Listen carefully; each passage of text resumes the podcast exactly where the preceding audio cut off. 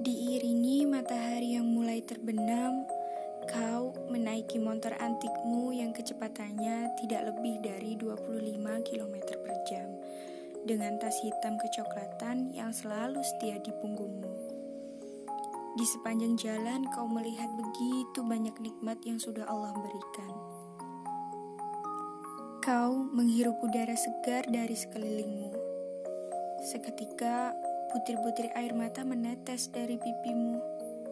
Kau teringat dengan postingan yang baru saja kau lihat saat makan siang.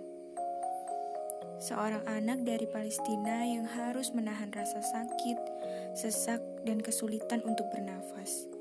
Mereka bertaruh nyawa setiap hari. Kau membayangkan bagaimana jika kau berada di posisinya. Apakah bisa kau sekuat mereka? Apakah kau mampu berada di posisi mereka? Seketika tanganmu gemetar, laju motormu melambat, dan tiba-tiba terhenti. Tangismu makin menjadi-jadi. Kau bertanya kepada dirimu sendiri, bagaimana mungkin engkau yang sudah Allah berikan begitu banyak nikmat? tapi masih saja mengeluh.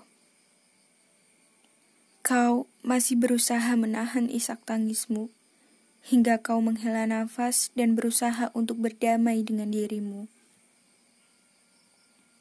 Kau mengangkat kepalamu yang tadinya tertunduk, senyummu mulai mengembang hingga lesung pipimu terlihat. Kau berdoa untukmu dan orang-orang yang kau sayangi agar mereka selalu bersyukur atas nikmat yang sudah Allah berikan.